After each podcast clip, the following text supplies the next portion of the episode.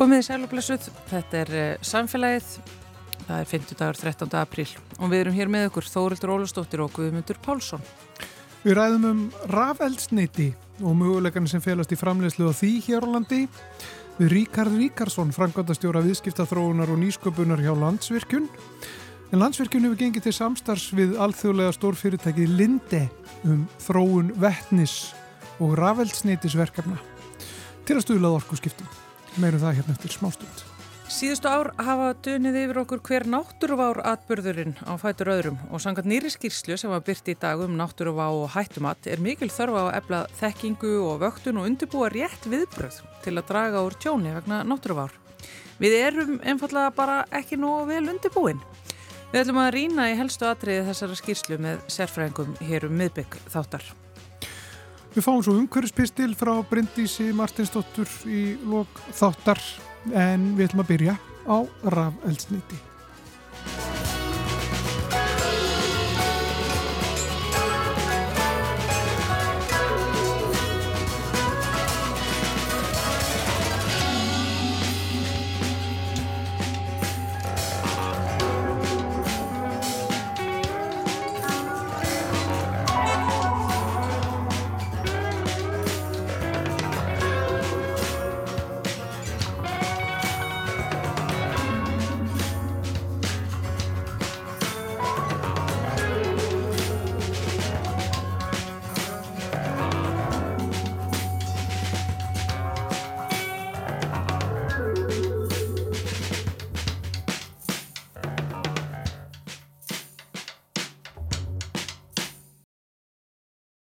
Í gær var sagt frá samkómulagi sem landsvirkjun hefur gert við uh, alþjóðlegt stórfyrirtæki. Linde um þróun grætna vettnis og rafeldsneitisverkefna og ja, allt er þetta innleggi að ná stóra markmiðin um orkuskipti hér á landi. En hvað fælst í svona samstarfi og hvað er uh, raf elsniti. Þannig sestur hjá mig Ríkardur Ríkarsson, hann er framkvæmtastjóri viðskipta þróunar og nýsköpunar hjá landsvirkjunum. Velkomin til okkar. Takk fyrir. E, já, hvað, ef við byrjum bara á þessu, þessu samstarfi. E, þetta er stór fyrirtæki sem þið eru að, að semja við þarna.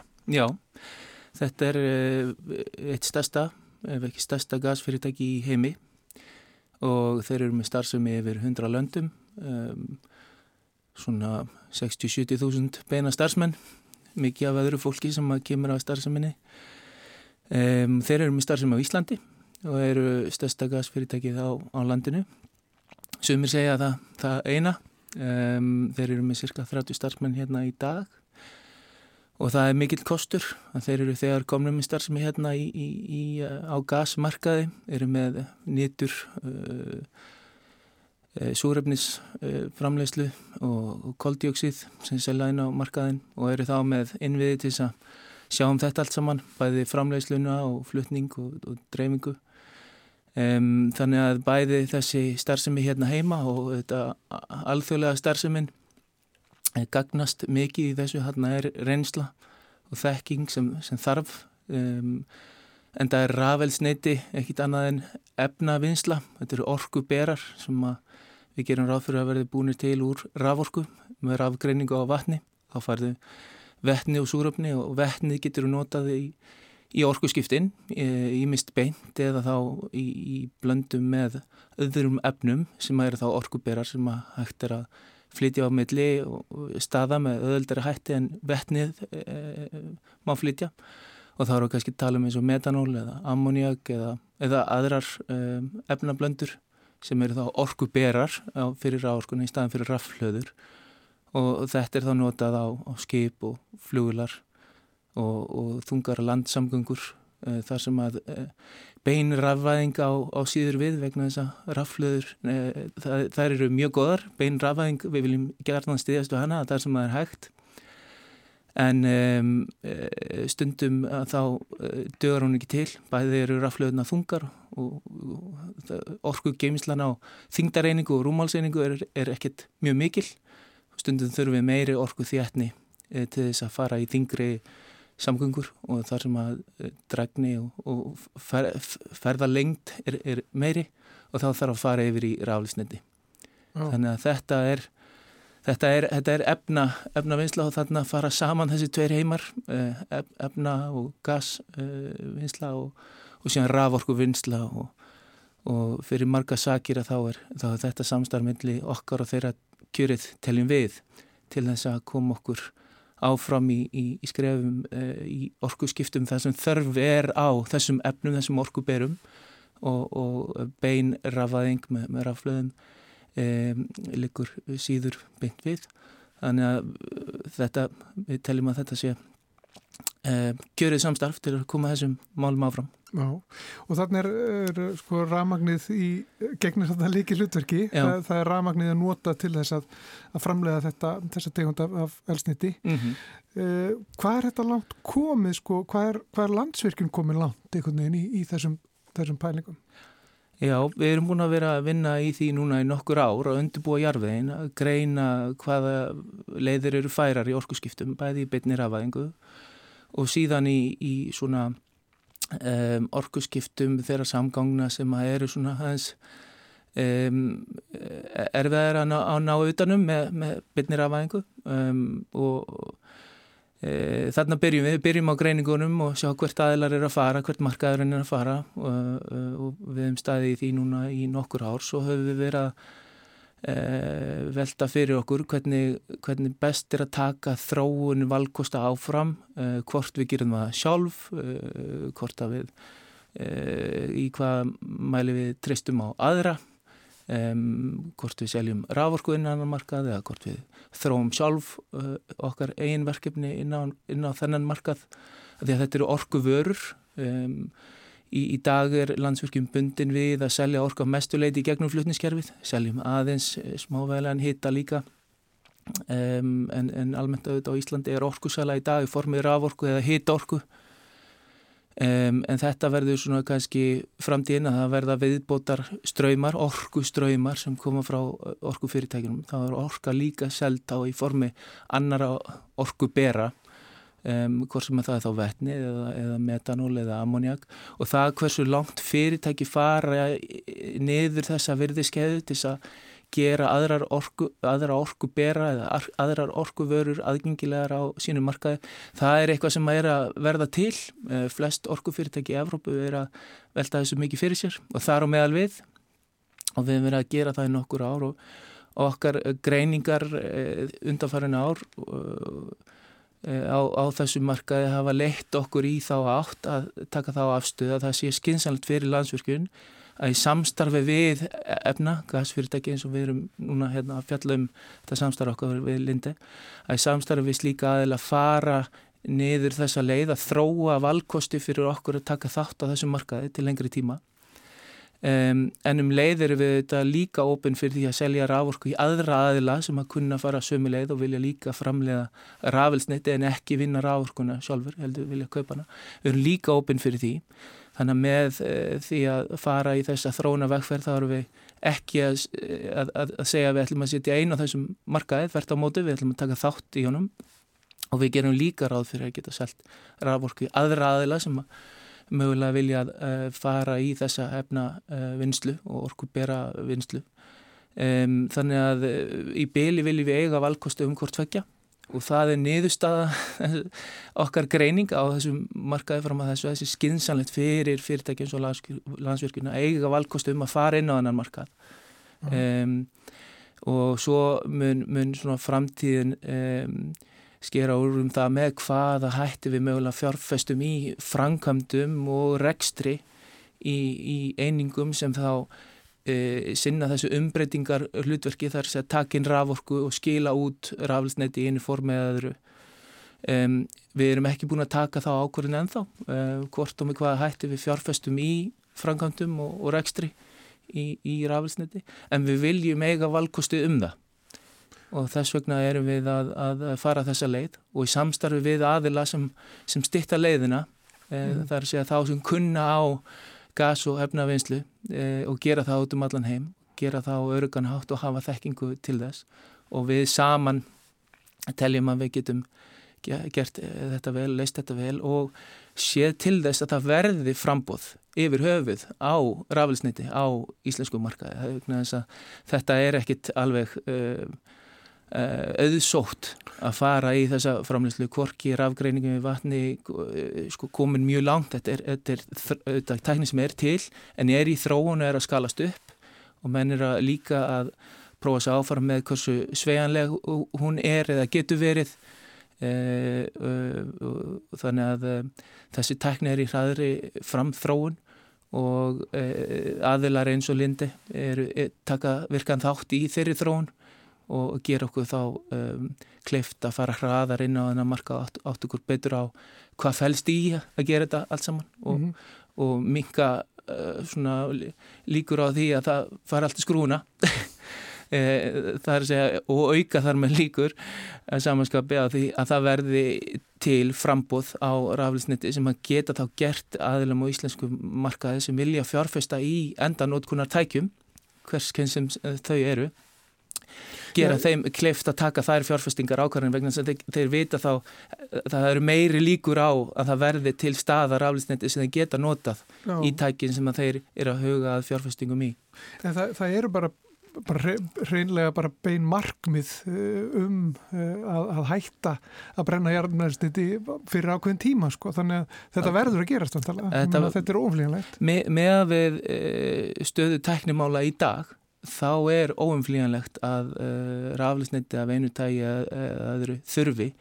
Það eru þetta líka hægt að fara í lífelsneiti og það verður partur af lausninni líka.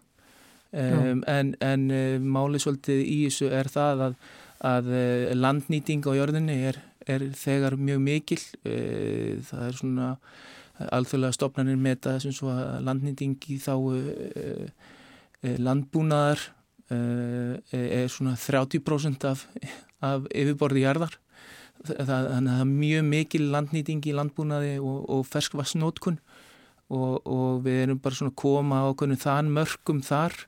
Þannig að við þurfum að fara í aðrar lausnir líka en, en landnýting og ferskvassnótkun fyrir uh, til þess aflokkur orku. Mm -hmm.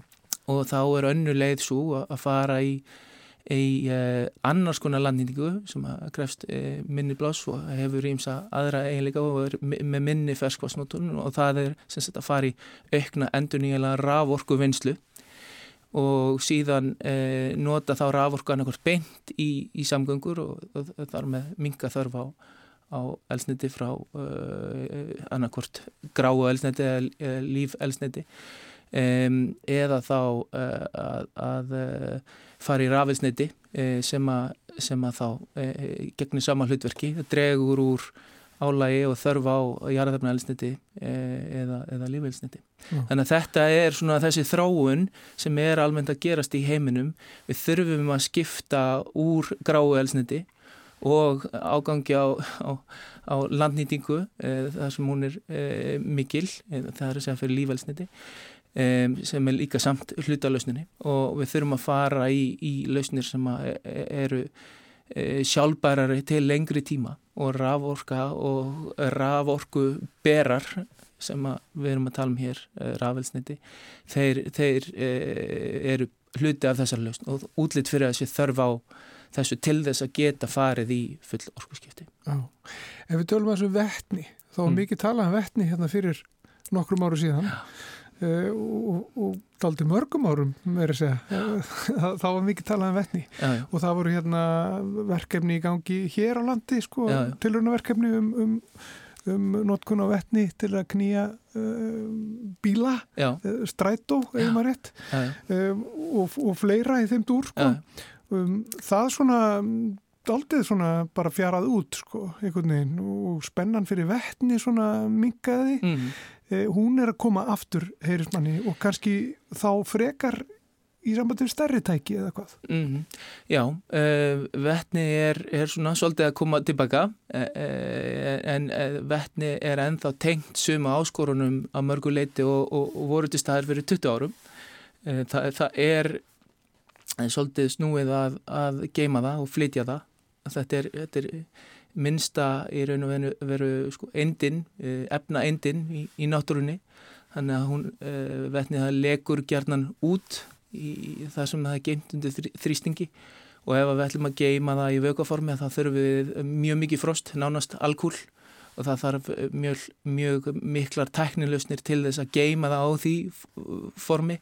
Þannig að geimsla á, á vettni er, er snúin og uh, síðan er nótkunnin á, á, á vettninu hvort sem við setjum það í sprengirheifla sprengjum það og notum það til að knýja áfram samgöngur okkar eða setjum það í efnarafala og eru þá með eins konar uh, raf ringrás uh, breytum raforku í vettni og síðan vettni aftur í raforku gegnum efnarafala að þá þá er, er þetta tækni sem að um, er, er til en hún, það kostar að skala hann upp þannig að hún verði aðgengileg í öllum tækjum. Þannig að bæði nótkunnin á vettninu geimslan og fluttningurinn á vettninu og, og endingu það sem við erum að horfa á sérstaklega sko, rafgreiningin í stórum skala e, þetta er allt saman svið sem að þarf að þróa áfram og, og mun taka tíma. Mm -hmm. Um, en, en um, í dag er tilgáttan svo alþjóðlega að þetta verði stór hluti af lausninni um, orku geimsla per uh, þingdareiningu er svo hæsta sem, sem finnst í vettni uh, þannig að þetta er mjög góður orku beri per þingdareiningu en, en, en vandamálið við vettni í, er síðan í rúmmálinu. Orku geimsla per rúmmálseiningu er, er ekki einsmikil og hún er talsveit fyrir neðan aðra orku bara eins og metanól eða ammoniak sem er innihalda vettni og við getum notað til, í sama tilgangi að knýja áfram samgöngur og aðra, aðra orkuferla um, en, en um, e, menn eru þarna eiga við og ólíkar áskoranir með ólík efni uh, mm. og mhm. þeir hafa allir sína kost og galla og menn telja sig geta náðu utanum áskoranir í vettnisnótkun en það er, það er ferli sem er í gangi og mun taka tíma eins og ég segi Um, og líklegt að vettni verði til að byrja með notað að einhver leiti þingri vegasamgöngur. Uh, líka mögulega eitthvað í stittri flugvegalengdir. Þetta er komið í, lestar lestir uh, uh,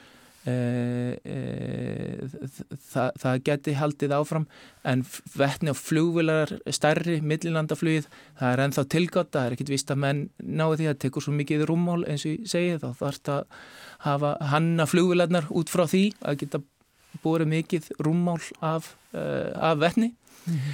E, þannig að það er kannski ekki allar líkur að fara þánga en það er samt verið að þróa þannig e, flugvilar sem gætu komið á marka 2040 plus erum menn að tala um í dag.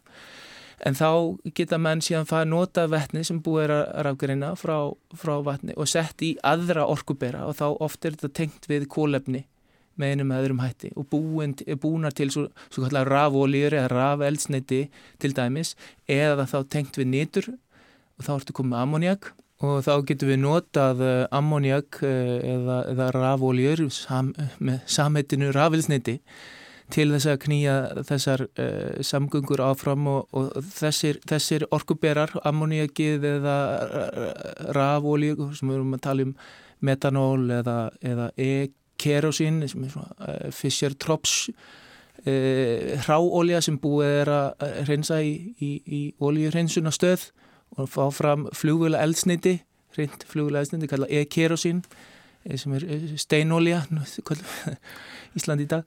Þá ertu komið með e, þessa orkubera sem eru líkari því sem við stiðumst við í dag en þeir eru búinir til í gegnum rafisnetis ferla og þeir sagt, nýtast þá á ólík samgöngutæki og, og hafa meiri orku innahald perumálseiningu eins og ég kom inn á þann og nýtast í flugilar og skip uh, jafnvel í, í vega samgöngur þá tíminu eftir að leiða það ljós ef það verður ekki bara beinrafaðing gegn raflöður og rafmagn og vettni þar.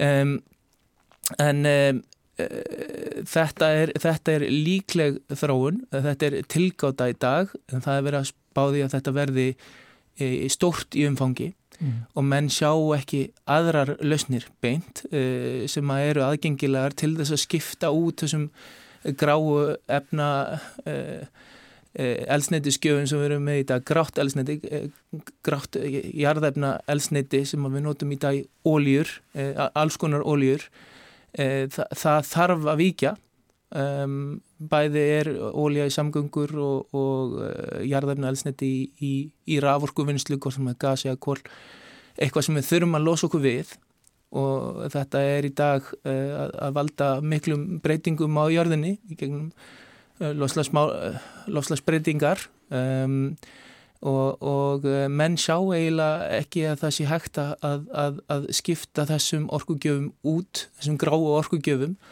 öðruvísi en í gegnum raforkubeina eða raforkubera eins og við erum að tala um hérna að vetna á raflisniti mm -hmm.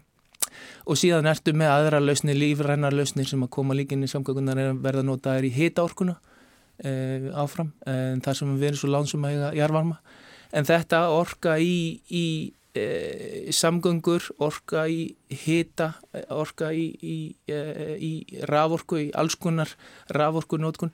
Þarna við að losa okkur við gráa elsneitið e, og koma inn með nýjar lausnir sem að treysta í sífilt auknum mæli á raforku og raforku bera um, og, og alþjóða orkumálastofnunum spáir því svo dæmis er tekið að um það beil helmingur af allri orkunótkun verði í formi raforku eða raforku bera mm -hmm.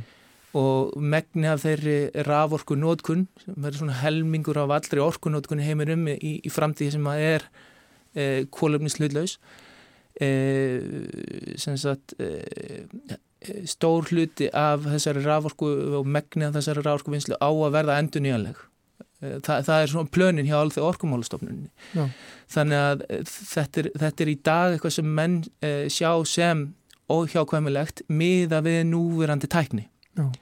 þannig að þetta er, þetta er svona staðan eins og hún heyr í dag og við, við viljum stíga skrefi þess átt, vera með stuðlaði að þetta gerist og Ísland sé með í framlínunni í þessum orkuskiptum, bæði beinni rafaðingu þar sem það er hægt og síðan með orkuberum, rafilsneiti þar sem þessi þörf og þessi, þessi, þetta samstarf núna með Lindi gerur okkur kleft að vera þarna með, með, með samfarandi og trúverðum hætti. Já, og þetta eru margar lausnir sem að þurfa að koma saman uh, til þess að af orkuskiptunum getur orðið, Það greinilega. Ramagni er þarna í leiki hlutverki, þar komið þið inn sem framleiðu og selji ramagn mm. en, en uh, fólk greinir á um hversu mikið þarf til, mm -hmm. fólk greinir á um forgánsröðun uh, og svo framvegs það er önnur umræð, við, við tökum hana kannski uh, á öðrum og, og á öðrum tíma. En gaman að fá því heimsókn Ríkar Ríkarsson, frangatastjóri viðskipta þróunar og nýsköpunar hjá Landsvirkjum. Já, takk fyrir mig.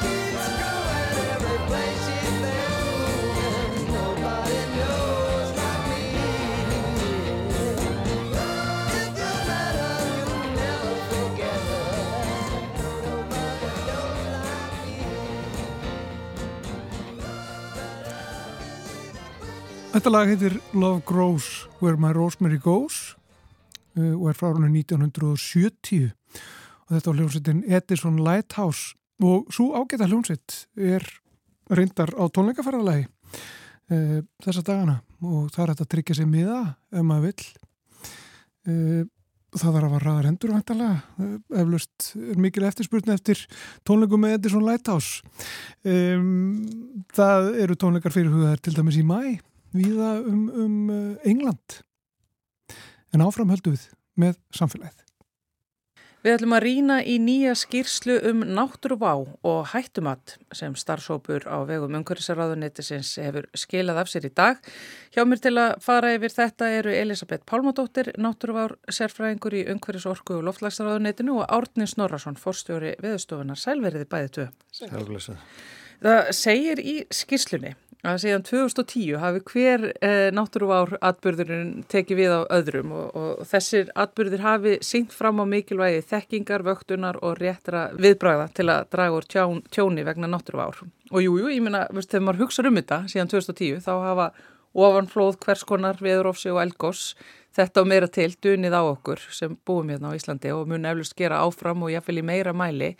Ef við bara byrjum á að fara yfir það svona helsta sem við getum gert til þess að vera betur undirbúin undir það sem að koma skall, eh, orðni. Já, tilgangu síslunar er náttúrulega að gera eiginlega kortlagningu á þessu, hvað þurfum við að undirbúa okkur betur og, og það er þannig að, að þetta kemur mjög víða við, þannig að þetta er mjög þverrfagleg vinna og þetta er virðist hérja sem að þarf að eiginlega byrja í, í mælingum og enda í, í viðbröðum og aðgerðum Þannig að e, skýslan er náttúrulega fyrst og fremst þessi úttækt á því hvar við stöndum Já. og er þá grundöldu fyrir framhaldið. Já, sko maður sér strax og maður rínir í skýsluna það eru, eigum að kalla það gött í því bara þeirri yfirsýn sem við höfum á uh, hvað er að gerast í landinu og geti gerst. Er það ekki rétt með þig á mér, Elisabeth? Jú, ég held að það sé, sé alveg hárétt og, og hérna Og það sem að, að, að kannski endur speglast svolítið í þessari skýslu er þetta með að, að við erum kannski svolítið svona vertíða miðuð. Að þegar, þegar hérna, gerast aðvik að þá keiru við allt sem við eigum í að sinna því og, og sinna vöktun og, og gera rannsóknir í kringum það. Mm -hmm. En við erum ekki nógu passasum að vera að sinna því sem að sjaldan eða aldrei gerist. Og þá meina ég aldrei í, í yfirferðri merkingu að að við vitum alveg að, að það eiga eftir að gerast atbyrður hér sem hafa gerst áður og, og við þekkjum en er langt á milli og, og koma, koma aftur með, með laungu millibili mm. en við þurfum að undirbúa okkur undir þá. Og margt af því sem við eigum eftir að horfa á inn í framtíðina eru e, atbyrðir í tengslu með lotsarsbreytingar þar sem við vitum líka að sko ef við erum ekki undirbúin þá erum við ekki að fara að gera neitt vegna þess að, að, að sko, það er engin viðbröð við þeim matveikum. Vi, við þurfum að, að vera með forvartinnar í lægi. Sko, af því þú talar um það sem að sko, er að fara að gerast, sem við sjáum fram á að er að fara að gerast út af loftlagsbreytingum, eru það ekki aðalega ofanflóðin eða hérna, er það eitthvað svona fleira? Ég þar gefðu við talað um hækkaða sjávarstuðu til dæmis, um, það, það eru eru aðrir, ofanflóðin eru náttúrulega sko, snjóflóð og skriður mm -hmm. en, en svo eru við með sko, vatnavexti sem að falla ekki undir þessu ofanflóðaskriðgreiningu og við erum með úrreillisrykningar og, og, og, og semst, það eru aðrir þættir sem að, sem að eiga eftir að spila inn í líka hjá okkur. Já, þannig að þetta er svona eh, aukalega ofan á allt annað sem við svona þekkjum eh, sem eru meldri en tvævitur og búið hér. Já, það maður kannski segja það og ég vil nú endilega koma framfæri þarna eh, orðinu úrkomu ákjæfð. Já, frábært orð. En e, það er akkurat það sem er mögulega að valda því að, að, að flóðaatbyrði verði erfiðari og það, það getur bæði verið í stórum stílingi eins og stærri vassföll en, en líka bara hér í bæjarsamfélagunum. Það sem að fráreinslið er ekki endilega hannað fyrir þetta, já, mögulega aukna úrfelli. Já. En ef við mitt, þá förum sko í það hvernig við fyllum upp í þessi gött er varðar bara rannsóknir og vöktun og yfirsýn uh, á, því. Ég, það er svolítið það sem að maður veist, er að skoða þegar maður er að kíkja á skýrsluna bara hverjir eiga að gera hvað og hvernig? E, ef ég má kannski byrja á þessu vegna þess að Sísland tekur á fjölmörgum þáttum þá held ég að, að það sem er mikilvægast að gera burt sér frá sko, stefnumótun og, og öllu því sem við köllum eftir í stíslunni það er að hraða vörnunum á þeim stöðum það sem við vitum að áhættan er. Og svo ofanflóðavörnum þessum... ofanflóðavörnum, Þa, það er lang, lang brínasta verkefni. Því að það snýra öryggi fólks gagvart vestu náttúrvá sem við búum við sem er ofanflóðin. Já. þannig að það er eh, mjög brínt að halda vel á spöðum. Já. en síðan held ég líka að því við tölum um lossafsbreytingar að skriðuföll eru að verða sífælt meiri og meiri áskorun og það tengis meðal annars því að sífrir er að breytast úrkoma á kjöðu er að breytast og snjóvalögur er að breytast. Þannig að það er, það, þar myndi ég segja að veri annar flokkur þar sem að virkilega þarf að fylla í eðunar. Er það þá bara vöktun og rannsóknir á öllum brekkum Íslands? Nei, nei það, það er náttúrulega unnið þannig hvað hva er áhættan Já. og það eru ekki mjög mörg bæjarfjölu sem búa við þetta og ef það verið farið svipuleið eins og með ofanflóðin þá er hort á það hvar byggðin er fyrst, mm. hvar þéttbílið er og það er nokkuð vel vita hvaða staðir þetta eru Já. en síðan vantar eh, rannsóknir, allstjensrannsóknir kringu þetta, grunnrannsóknir og, og síðan náttúrulega vöktun. Já, þegar við bætum í varninnar og förum síðan og vöktum þessa staði, sérstaklega bæjarfélögin, eins og hver þá? Ég hef þann list ekki í kollinum en Næ. eins og allir vita þá er náttúrulega erum við að glýma við Seyðisfjörð mm -hmm. sem er svona eitt af þessu vestu svæðum, Eskifjörður En ég vil ekki fara þanga því ég hef það ekki alveg í kollinu. Og fyrir utan það að það áhættum að liggur ekki fyrir. Já, en það þarf að gera það. En það þarf að gera það. En, en þetta er náttúrulega vestfyrðinir, austfyrðinir, þetta er tröllarskægin sem, sem að eru stóru þekktu svæðin okkar. En ef ég byggi þar til dæmis, að þá myndi ég vilja að sko vísendafólk og rannsóknarfólk væri komið þarna upp í brekkuna bara í gær með öll sín tæki og, og, og allt, bara til þess að það sé hægt að vita hvað er að fara að gerast. Já, við erum náttúrulega að gera mikið. Við, við hérna, ofanflóðarsjóður styrkir mikið af rannsóknum og, og vöktun og hérna, og þar er náttúrulega samstarf við viðstofuna og þar er samstarf við fjölmarkar verkvæðstofur sem, sem að sinna þessari vöktun og eru að, að undibúa okkur og horfa á á svona þessi næstu ár hvað, hvar er mikilvægast að, að taka næstu skref Já. og forgámsraða því hvað, hvað við getum gert því að auðvitað er í þessu eins og öllu það er takmarka fjármagn til þess að, að vinna með og við þurfum að, að vera með forgámsröðunna og, og velja rétt og það er ekki auðveld. Ef ég má beita við þetta sko, aðalt tólið þessu er í raunin að gera hættumat og áhættumat. Það er bara það er aðferð eina, það, það er bara velþróð aðferð til þess að átta sig á því hvernig á forgámsra hlutónum og, og það er rauninni tólið til þess að hjálpa okkur við forgámsraðun inn í framtíðina. En ég vildi bæta við þessi tvö aðrið sem ég nefndi og við höfum verið að ræða í sambandi við náttúrvan og er í stíslunni sem stýrtir mjög miklu máli og það er þetta langtíma sjónamið lofslagsbreytinga. Og eins og Elisabeth sagði við verðum að byrja strax að undibúa okkur fyrir aðlögun að lofslagsbreytingum og það er einmitt þar sem að vantar mjög mikið af upplýsingum í, í sveitafélagum landsins um hvaða afleðingar lofslagsbreytinga kunna hafa á Já, hverju stað. Af því að þetta er eitthvað nýtt, af því að það er bara að fara að koma einhver algjörlega nýr veður veruleiki og náttúru veruleiki, Já. þannig að það er ekki hægt að tala við sko elstu íbúa bæjarins. Alveg nýtt að fara að gerast og með stofn uh, skrifstofum og lofslagsþjónustu á veðustofunni, þá hefur verið að leggja grunnina því að búa til einmitt uh, í, í rauninu svona gagnagátt um lofslagsbreytingar á Íslandi þar sem að farið er niður á sveitafjölög og landsvæði. Þannig að hver, hver og einn geti nálgast upplýsingar um það hvað sé líklegt að gerist í framtíðinni. Þess að hjálpa þá við skiplags ákvarðanir og landnótkunar ákvarðanir sem eru líkil, líkil tólinn til þess að minga áhættu samfélagsins En þá langar mig um þetta staldra við eh, svona næsta því að þeir eru að tala um mikilvæg þess að hættumæti sé gert að rannsóknir e, séu stundar eh, sem eru svona e, forvirkar er það, er það orð sem að vera hægt að nota yfir þetta og, og einmitt vöktun og, og, og hérna, uppbygging mannverkja á, á svæðun sem að, að það vantar í.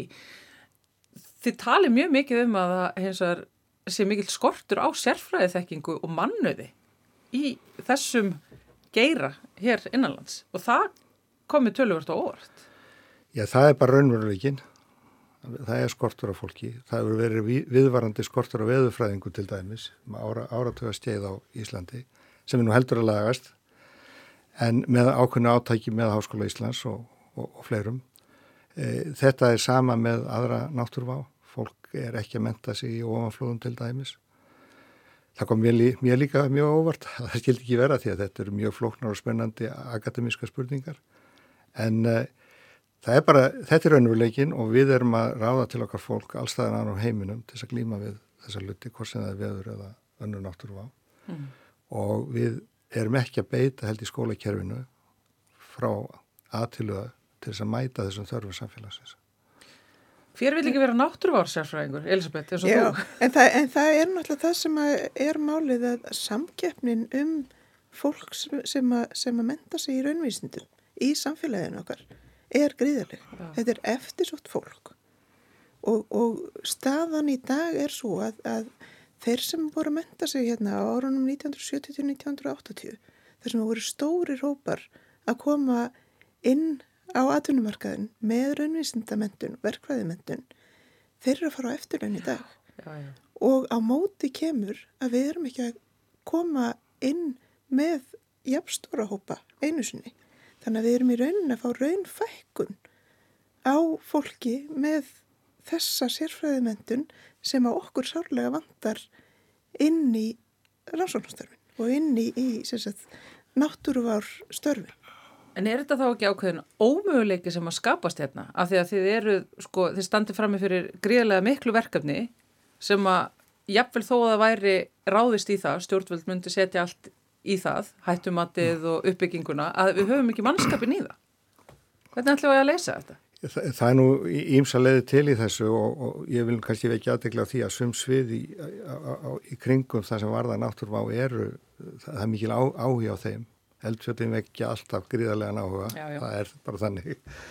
En uh, ég held að partur af þessu samtali um það að samina stofnan til dæmis í, í, í okkar ráðuneti það snýst um það að, að forgangsraða verkefnum og, og þá náttúrulega forgangsraða mannablanum í þau verkefni og, og ég hef væntinga til þess að, að sá mannöður sem þar er geti lagt þessu verkefni liðin í framtíðina, bæði þessu verkefni og, og lofslagstengdum áskorunum.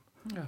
En ég held líka að þetta endur spekli svolítið þennan, þennan rauða þráð sem er í gegnum skýsluna um, um þetta með að við þurfum að horfa á náttúru fá þörfaglega. Eh, það er ekkit eitt ráðunetti eða, eða eitt málaflokkur sem ætlar að leysa þessi mál fyrir okkur. Við, við verðum að fá breyttina í samfélaginu með og við verðum í rauninni að byrja svolítið í grunnskólanum að vekja áhugan þar, að kveika neistan fyrir því að verða sérfræðingur í raunvísindum, að mhm. verða verkfræðingur strax í, í grunnskóla. Já. Af því það eru þau börn sem að eiga eftir að verða sérfræðingar framtíðinar og við, við þurfum að fara að vinna með miklu stærra samengi heldur um bara að horfa á hverja skrási í jarðfræði eða veðufræði í, í háskólanum í dag. Þetta er mjög aðteglisvert. Eh, eh, vitið þið eitthvað til þess hvort að það sé verið að vinna með þetta í skólunum? Að það sé verið að setja þessa kveikjur í þessa litlu verkfræðinga og náttúruvísutafólk framtíðarinnar? Ég held allavega að við þurfum að gera miklu betur og, og ég held að, að það sé eina af þessum áskorunum sem að, sem að kemur fram í þessari skýslu að við þurfum að setjast niður og tala miklu meira saman á milli fagsviða um hvað vandar okkur inn í framtíðina. Wow. Getur ekki bara lagt inn óskalista bara inn í mentamálaráðunetið fyrir bara viðstöfan þarf að fá í framtíðinu þessa, þessa, þessa. Við, við höfum nú átt í samtali við mentamálaráðara um þetta og bæði náttúrulæsi sem er mjög mikilvægur þáttur í þessu því að það sannarlega vekur áhuga þegar menn eru upplýstir um náttúruöflin. En um þetta samtal og um þessa þarfir inn í framtíðina, hvernig hægt er að beita þeim og auðvitað höfum rætt þetta við Háskóla Íslands líka og reynda að leggja því lið. En við þurfum að hugsa þetta allt held ég upp á nýtt eins og Elisabeth er að segja. Við verðum að sjá þetta sem viðfóngsefni sem spannar ákveðna virðiskeiði, það spannar mjög mörg fagsvið, mjög mörg ráðunetti, þetta er bara risaverkefni framtíðarinnar ja. og þetta er náttúrulega það sem að stefna stjórnvalda snýst um, snúum skipinu í áttina að áskorunum sem eru náttúruvá og lofslagsmál þetta eru stóru áskorannar. Og það er ekki eins og þetta sé eitthvað leðilegt starf sko, þetta eru frábær og skemmtileg starf. Algjörlega. Náttúrulega sérfræðingar á viðustónu heyrist mér að vera mjög ánæði með að vera í þessu starfi þó það sé vaktafinn. En, en svo snýr þetta líka ekkit bara að raunvísindum. Við þurfum líka, sko, við þurfum líka líðfræðina og við þurfum að, að til dæmis bara rannsaka þú veist, hvernig líður fólki, hvaða öryggistilfinningar til staðar. Beigðarsérfræðingana, félagsfræðingana, allt þetta. Það sem ég er að segja, þetta, þetta þverfaglega, þetta stoppar ekkert við raunvísindafólkið, við verkfræðingana, við jarðfræðingana. Við, við þurfum alla með. Þetta er uh, svakalega aðtæklusveru punktur og ef við núum okkur aftur sko að skýrslunni, þá langum við aðeins að staldra við eitt uh, sem allt áhuga fólk um, um, um góð kort Eh, hérna, blakkaræflustu erunum við. Þið þur, talið þannig um að það þurfa að ebla kortagerð og sérstaklega að það þurfa jarfræði kortleika Íslands. Ég bara vissi ekki að, að, að það vantaði svona mikið upp í þau mál. Sko, það, það er kannski tvent að nefna í þessu sko. Annars vegar er þetta þessar almennu mælingar á landinu, uh, landmælingar og, og vatnafarsmælingar, bara þessi náttúrufræði kort. Eitt af þeim eru jarfræðikortin og auðvitað eru til í arfræði korta af Íslandi en mjög víða eru þeir mjög lítillu upplaust og eru alls ekki fullnægjandi fyrir mjög margt af þeim ákvörðunum sem við þurfum að taka. Þannig að þetta hefur leið svona alltaf til liðar lengi vel í orkugeranum og þá var náttúrulega fókusin fyrst og fremst á nýtingarsvæði fyrir orku, bæði erðita og varsorku.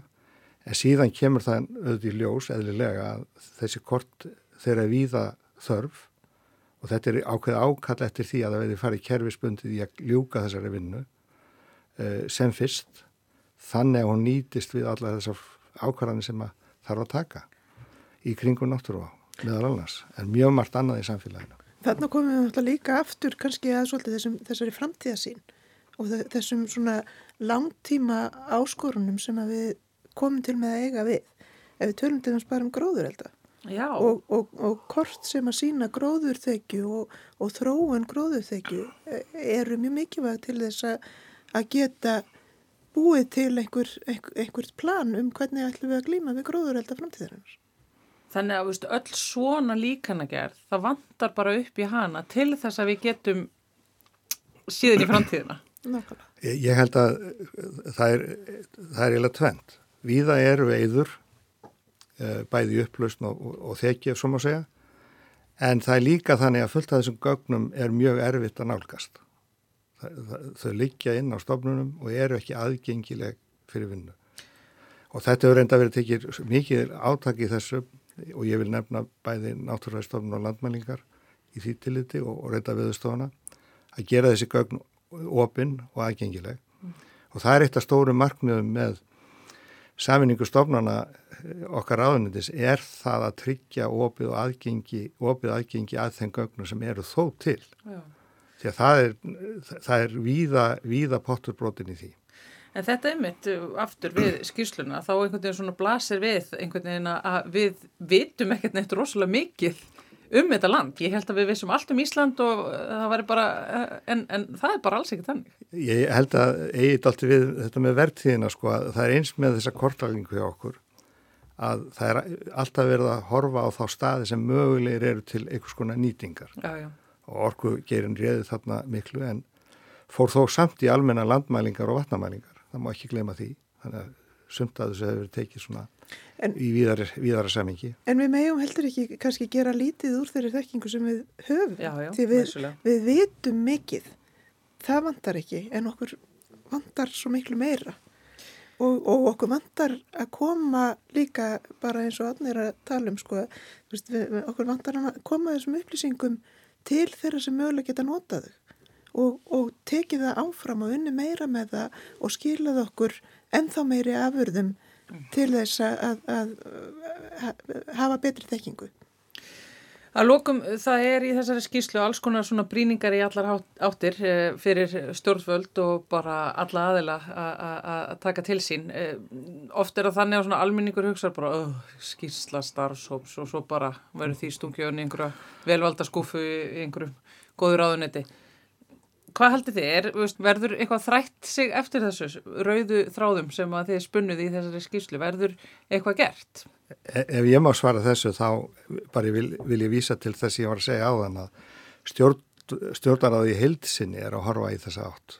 Náttúru á losarsbreytingar, þetta eru eitt af þeim um nýra ríkistjórnar. Uh mhm. -huh. Þannig að ég hef ekki neinar áhyggjur á því að, að ríkisvaldi sé ekki að horfa í þessa átt. Nú þessar aðgerði við það að, að þetta stofnunnar og fókusera meira á þessar áskorunum sem við erum að glíma við. Það, það er líka skýrtmerkjum það að það fylgir hugur máli. Í þessari stíslu þá er eins og við höfum farið yfir að þetta er fyrst og fremst kortlæking á kunni stöðu en það er kallað mjög skýrt eftir því að til þess að fá forgánsröðun á verkefnin þá þarf að fara í stefnum mótuna vinnu. Það er bara næsta skref og það er stefna sem mun þá ramma inn í rauninni forgámsadriðin, forgámsröðunina og ramma inn fjármunina og ramma inn tímaramman og það er vörður sem þarf að ná á kannski næstu 5 til 20 árum. Og þetta þarf síðan að finna sér leiðin í fjármála áallun ríkisvaldsins þannig að það sé raunverulega hægt að framkvæða þetta. En, en ég hef fulla trú á því að, að stjórnvöld séu mjög meðvituð og, og, og fullir leið að fara áfram með þetta. Árni Snorarsson, forstjóri veðstofunar og Elisabeth Pálmadóttir, náttúruvar sérfræðingur umhverfis orku og loftlagsraðunandinu. Takk hjá fyrir komuna í samfélagið. Takk svo með þess.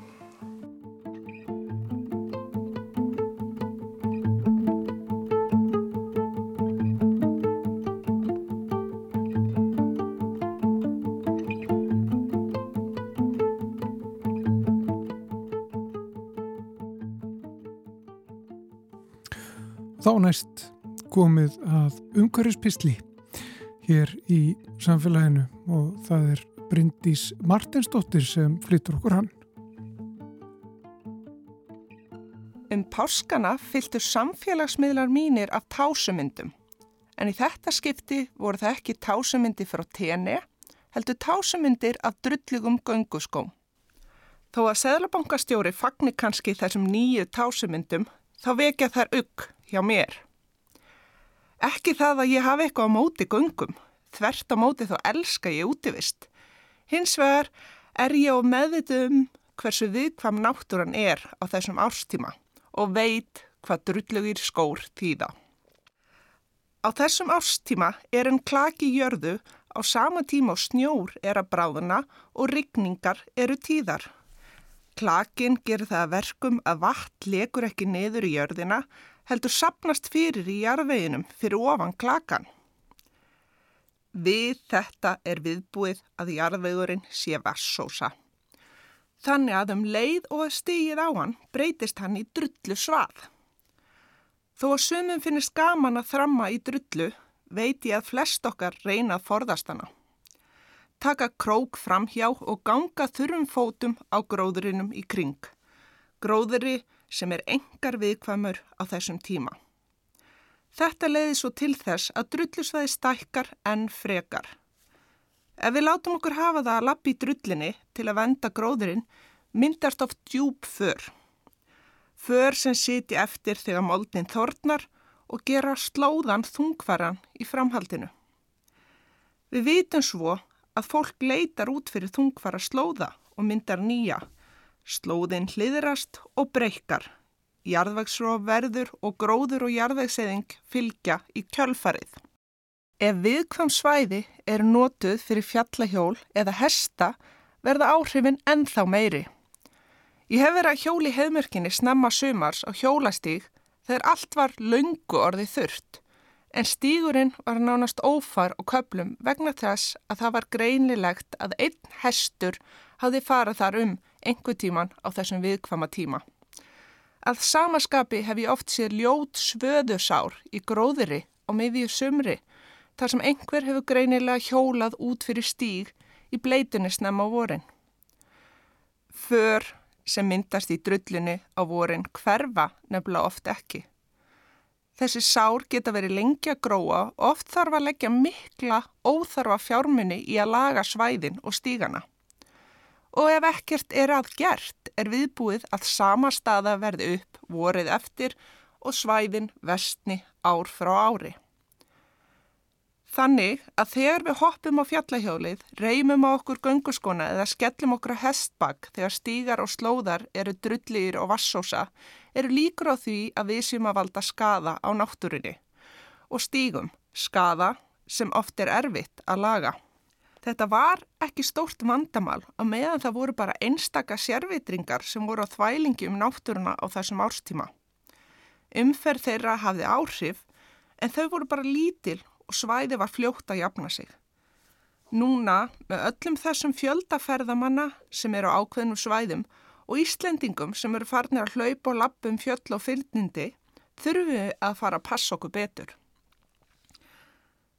Á fjölförnustu svæðunum þyrti að sjálfsögðu ofta í meiri innviðauppbyggingu og byggja góða stíga og leiða vatn af svæðunum. En það leysi þó ekki allan vanda. Sum svæði þóla bara ekki miklu umferð fólks ákveðnum tíma árs.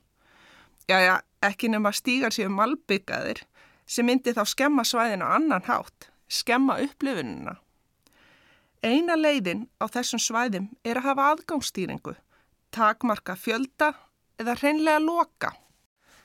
Seinustu ár hefur orðið algengara að fjölförnum göngulegum sé lokað á vorin, oft í margar vikur með það markmiði að venda náttúruverðmæti, jarðveg og gróður. Á seinustu árum hafa til dæmis gönguleiðum við fjadur á gljúfur, skóarheiði og reykjadal veru lokað sem er af hennu góða. Ungverðistofnun hefur nefnilega heimild í náttúruvendalögum til lokasvæðum í alltaf tvær vikur, skindilega ef að yfirvöndi er verulegt tjón á náttúru Íslands og aðgerðir þóla enga byggð og ráð þeirra getur svo framlegt þessum lókunum en þá lengur. En þrátt fyrir þessa heimild grein ég af trega til að loka leiðum eða setja einhverja hömlur, sérstaklega á fjölförnustu svæðunum. Fólk er oft komið langa leið til að upplifa svæðin og ég get bara ímynda mér þrýstingin sem sömur hagaðlar setja á þá sem ætla að loka. En við vitum alveg að þetta gerist á hverju ári. Þegar snjóa leysið þá eru sum svæði þannig að umferð gangandi, ríðandi eða hjólandi mun valda skemdum á stígum eða slóðum og náttúrunni. Væri ekki bara best að hafa ákveðnar leikreglur, hafa það skýrt að á ákveðnum tíma eru svæði bara lókuð. Þá er fólk ekki að ferðast til Íslands til að skoða þessi svæði á þeim tíma sem að við vitum að svæðið þólir ekki að taka múti ferðamönnum. Þetta er alveg þekkt á mörgum svæðum út í hinnum stóra heimi. Fólk er vant þessu. Til dæmis er yngaslóðin í Perú sem er ábygglega með frægustu gungulegðum heims, alltaf lokuð í februar. Þá þólir svæði litla umferð og er því lokað og tímin nýttur til að laga slóða og aðra innviði. Fólk ferðast þá ekki til Peru til að ganga þessa leið á þessum tíma. Utan þess tíma eru svo fjöldatakmarkanir. Það er ekki fleirum hleyftin á svæðið en það þólir. Þetta er bara mjög algengt viða en hefur lítið týðkast á Íslandi.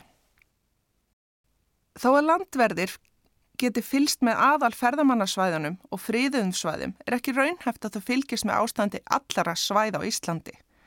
Þannig að það að stígar og slóðar sé opnir þýðir ekki endilega að það sé æskilegt að fara þá. Við þurfum bara að sína skinnsemi og fylgjast með ástandinu sjálf og forðast drullisvæðin. En það góða við Ísland er að leikvöldur útivista unnenda er risastór. Þó að sum svæði þó líti álag á þessum ástíma eru önnu svæði sem bjóða okkur velkomin. Veljum því frekar þau svæði, förum út á hjóla eða ganga svæðum með góða malarstíga í stað þess að velja moldarstígan eða slóða í mólendi. Pörsum okkur sérstaklega vel að fara ekki út fyrir slóða. Það er betra að verða blöytur eða drulluður í stað þess að eðilegja náttúruna. Þetta ásá sem við allan ásins ring, við getum líka valdið skada á viðkvæmunum gróðri yfir hásumarið. En þetta er sérstaklega mikilvægt núna á vorin.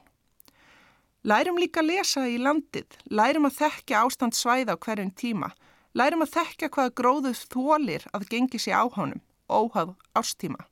Með því að þekkja náttúruna getum við gengið sem best um hana. Mörg okkar getur hugsað, hvað, það að ég einn farið þennan slóða getur ekki skadað.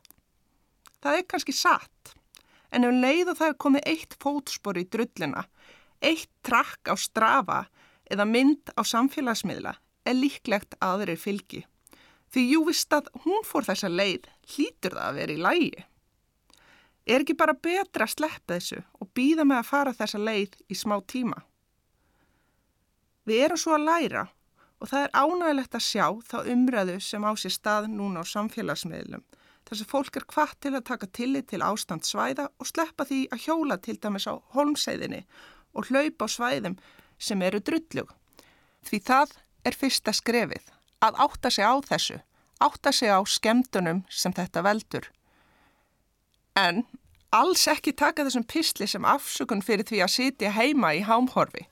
Förum út að leika okkur en sínum bara smá skinnsemi og tökum tillit til náttúrunar.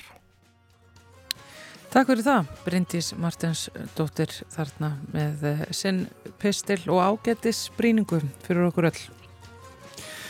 En uh, við ætlum að ljúka samfélaginu svona þennan fymtu daginn. Guðmundur og Þóruldur, þakka fyrir síðan í dag. Við verum hér aftur á morgunu sjálfsögðu. Verðið sæl.